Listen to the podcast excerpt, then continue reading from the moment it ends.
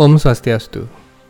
Dalam berbagai wacana rohani Hindu, sering kita dengar istilah Moksartham Jagadihita Yacha Iti Dharma. Keyakinan terhadap moksa atau mukti adalah salah satu dari lima keyakinan dasar umat Hindu yang dikenal dengan Pancasrada. Dalam arti sederhana, moksa berarti bebas dan tujuan akhir agama Hindu adalah untuk mencapai pembebasan dari segala keterikatan material. Definisi tersebut mungkin masih sangat abstrak bagi Anda. Orang dewasa pun mungkin tidak paham mengenai apa maksud kata bebas dan apa arti keterikatan material. Jika Anda mengajarkan tentang Pancasrada kepada anak-anak, apa yang akan Anda katakan tentang moksa? Bagaimana Anda akan memberikan ilustrasi tentang moksa kepada seorang anak berusia 7, 8, atau 9 tahun? Jika Anda menemukan bahwa istilah moksa ini memang ternyata sulit dipahami, lalu sejauh mana sesungguhnya keyakinan kita selama ini terhadap tujuan kehinduan kita?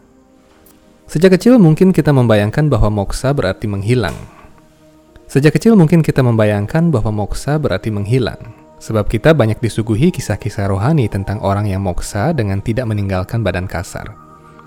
Salah satu kisah itu adalah sejarah Dangyang Nirarta yang moksa dengan cara menghilang di ujung tebing karang Uluwatu. Para Pandawa juga mencapai alam rohani dengan tidak meninggalkan jasad. Begitu juga Maharaja Druwa dan Ajamila. Ada pula orang-orang yang moksa dengan meninggalkan jasad, seperti Maharaja Pritu dan yang lainnya. Karena mendengar kisah-kisah sejarah Weda itu, kita beranggapan bahwa moksa selalu berarti orang yang meninggal tanpa meninggalkan jasad. Tentu saja hal ini hampir tidak mungkin ada di zaman modern ini. Itu membuat sebagian orang beranggapan bahwa tidak mungkin orang mencapai moksa di zaman modern ini.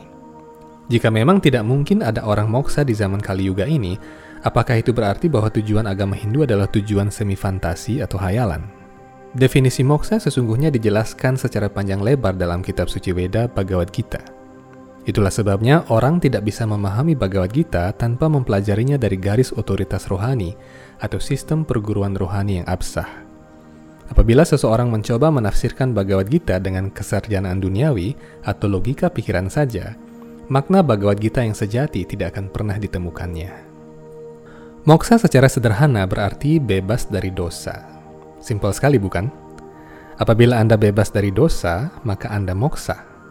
Jika Anda bebas dari dosa, Anda tidak pergi ke surga, melainkan kembali ke alam Tuhan atau alam rohani. Menurut para otoritas suci yang memahami Weda, moksa tidak bisa dicapai dengan berbuat baik, karena perbuatan baik, apalagi buruk, akan menimbulkan reaksi karma. Ini disebut karma pala. Sebagai contoh, tatkala Anda berhenti di lampu merah, Anda melihat seorang gelandangan. Karena kasihan, Anda memberinya uang. Perbuatan Anda sangatlah welas asih. Perbuatan seperti ini patut dipuji tentunya, dan termasuk dalam perbuatan baik atau dharma. Namun sesungguhnya Anda tidak pernah tahu uang itu akan digunakan untuk apa. Bagaimana jika gelandangan itu berniat mencuri dan dengan uang itu dia membeli sebuah pisau? Karena itu perbuatan baik atau buruk di dunia ini akan menimbulkan reaksi berantai atau chain reaction.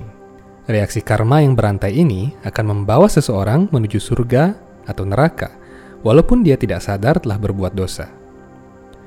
Tatkala seseorang memberi uang, dia melakukan perbuatan baik, namun di balik perbuatannya itu, dia bisa saja telah memberikan kesempatan buat si gelandangan untuk melancarkan aksi jahat. Apakah fakta ini terlalu membingungkan dan mengagetkan buat Anda? Sebagai informasi, inilah sesungguhnya pengetahuan rohani buat kita.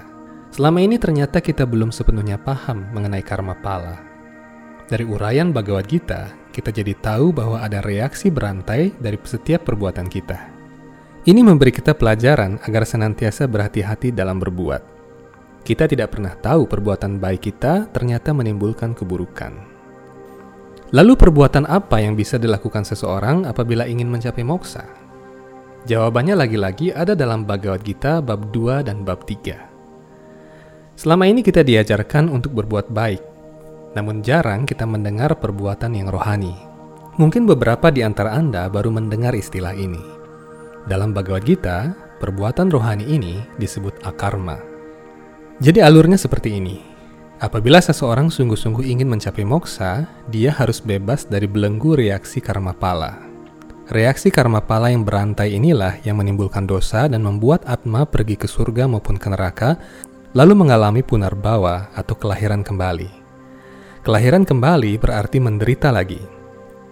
Bayangkanlah, Jika Anda harus lahir lagi, Anda harus jadi bayi lagi, belajar baca tulis lagi, bertemu dengan pelajaran matematika yang Anda benci, jatuh cinta lagi, patah hati lagi, kehilangan orang-orang yang Anda sayangi lagi, sakit parah lagi, lalu meninggal lagi. Inilah sesungguhnya belenggu penderitaan. Jika seseorang lahir menjadi hewan, serangga, atau tumbuhan karena karma buruk di masa lalu, penderitaannya akan jauh lebih besar. Karena itu, orang yang cerdas berusaha untuk keluar dari penderitaan ini, dan inilah fungsi sesungguhnya dari ajaran agama, dalam hal ini Hindu. Dengan demikian, moksa juga berarti bebas dari kelahiran kembali. Ini hanya dimungkinkan jika Anda menghentikan reaksi berantai karma atau perbuatan Anda. Caranya adalah dengan melakukan perbuatan rohani. Bagaimana perbuatan rohani ini bisa orang lakukan? Bagaimana dia tahu jika perbuatannya rohani? Jika Anda bisa sampai ke pertanyaan ini, maka Anda sesungguhnya adalah orang-orang terpilih. Jawaban pertanyaan ini tertuang dalam kitab-kitab Upanishad, dirangkum dalam Bhagavad Gita, dan dijelaskan oleh para guru kerohanian yang mumpuni. Mungkin Anda membayangkan bahwa perbuatan rohani adalah sembahyang atau duduk bersila 24 jam tanpa makan atau minum. Sama sekali bukan. Apabila seseorang ingin berbuat secara rohani, maka dia hendaknya memilih satu di antara empat jalan rohani yang dijabarkan dalam Veda. Keempat jalan rohani ini disebut catur marga atau catur yoga yang telah kita pelajari sejak sekolah dasar. Ada yang namanya bhakti yoga, karma yoga, jnana yoga, dan raja yoga. Keempat jalur ini sesungguhnya adalah empat jalan menuju moksa. Tatkala seseorang menempuh salah satu di antara empat jalan tersebut, di sana dia akan menerima pelajaran dan bimbingan rohani yang konsisten dari para acarya atau guru-guru kerohanian yang telah tercerahkan. Dengan demikian dia berangsur-angsur belajar untuk mengaitkan segala perbuatannya ke dalam hal yang rohani. Di sanalah seseorang belajar melakukan perbuatan rohani dan membebaskan diri dari belenggu karma pala. Hanya dengan cara inilah seseorang dibebaskan dari punar bawa dan menapaki jalan menuju moksa. Keempat jalan menuju moksa inilah yang membuat ajaran Hindu unik dan memiliki jenjang. Hindu memiliki tingkatan atau jenjang pelajaran rohani. Dalam kehidupan beragama Hindu secara umum, tidak ada yang mengharuskan seseorang melakukan berbagai jenis pengendalian diri, puasa, atau belajar kitab suci secara teratur. Namun apabila dia telah memilih sesuai kesadarannya salah satu dari empat marga ini, dia wajib mengikuti aturan dan peraturan rohani.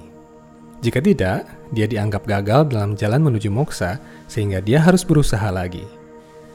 Dengan demikian, kini Anda telah mengenal bahwa ada jalan menuju moksa dengan aturan dan peraturan yang ketat. Hal ini patut kita ketahui, terlebih sebagai umat Hindu. Karena faktanya pembahasan mengenai moksa memang amat jarang kita ketahui dan diskusikan. Padahal, kita meyakini bahwa moksa adalah salah satu dari lima dasar keyakinan Hindu dan tujuan terakhir agama Hindu. Lalu apakah seseorang bisa mencapai moksa di zaman Kali Yuga ini? Tentu saja bisa. Karena itulah lembaga catur marga diturunkan oleh Tuhan di tiap-tiap zaman. Selama ini mungkin Anda berpikir bahwa moksa hanya bisa dilakukan oleh orang-orang sakti di zaman dahulu. Faktanya untuk mencapai moksa, orang tidak perlu menjadi sakti mandraguna. Dia hanya perlu mengikuti salah satu dari catur marga dan tekun menerima bimbingan dan petunjuk dari para orang suci dalam jalur-jalur tersebut. Apabila seseorang serius dalam jalan rohani, dia menjadi seorang jiwan mukta yang secara harfiah berarti orang yang mencapai moksa selama hidup atau roh yang dibebaskan, walaupun dia masih berada dalam badan kasar. Jadi hal-hal seperti ini bisa terjadi di zaman modern. Jika tidak bisa, lalu mengapa pelajaran agama dan kitab-kitab suci masih dipelajari hingga kini? Menyangkut lebih jauh mengenai moksa, dalam jalan-jalan berbeda menuju moksa itu dikenal ada beberapa jenis moksa. Ada moksa di mana seseorang bersatu dengan Brahman, yang dikenal sebagai Amor Reng Acintya, Manunggaling Kawala Gusti. Ada jenis moksa di mana Atma memiliki bentuk yang sama dengan Tuhan. Ini disebut Sarupya Moksa. Ada pula moksa ketika Atma berada di tempat yang sama dengan Tuhan, yang disebut dengan Salokya Moksa. Terdapat juga jenis samipya moksa, yaitu ketika Atma mencapai sifat yang sama dengan Tuhan. Semua jenis moksa ini sama-sama rohani dan sama-sama menjadi tujuan tertinggi dalam ajaran Hindu. Dalam beberapa bagian kitab suci Weda terdapat istilah moksa sebagai pulang ke dunia rohani dan menjadi pelayan Tuhan. Beberapa kalangan tidak setuju dengan istilah menjadi pelayan Tuhan ini, entah karena apa. Namun ini sesungguhnya hanya masalah bahasa saja. Di Bali pun ada banyak kejadian orang meninggal karena diminta oleh Ida Batara di pura tertentu untuk ngayah. Kadang-kadang atmanya ngayah di pura dalam, di Prajapati, atau di Gua Raja Besaki. Jadi apabila ada seseorang ngayah kepada batara tertentu atau Tuhan setelah meninggal, ini sesungguhnya adalah hal lumrah yang sudah bisa dipahami oleh masyarakat Hindu. Apabila ada istilah moksa menjadi pelayan Tuhan di dunia rohani, maka hendaknya diketahui bahwa jenis moksa yang dicapai adalah salokya moksa atau tinggal di tempat yang sama dengan Tuhan. Ada juga orang yang memilih menunggal dengan Tuhan atau Brahman sehingga dia lebih memilih jalan amor yang acintya. Inilah uniknya jalan kerohanian dalam Hindu. Semua aspirasi Atma diterima oleh Tuhan dengan cara-cara yang berbeda.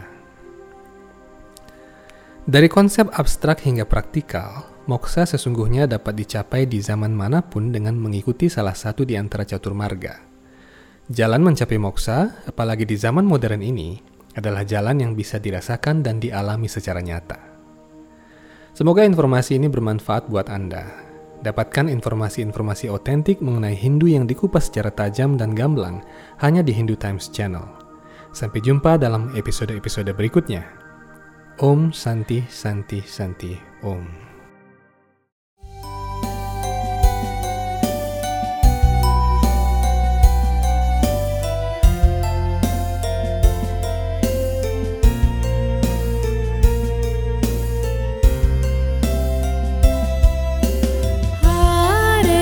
last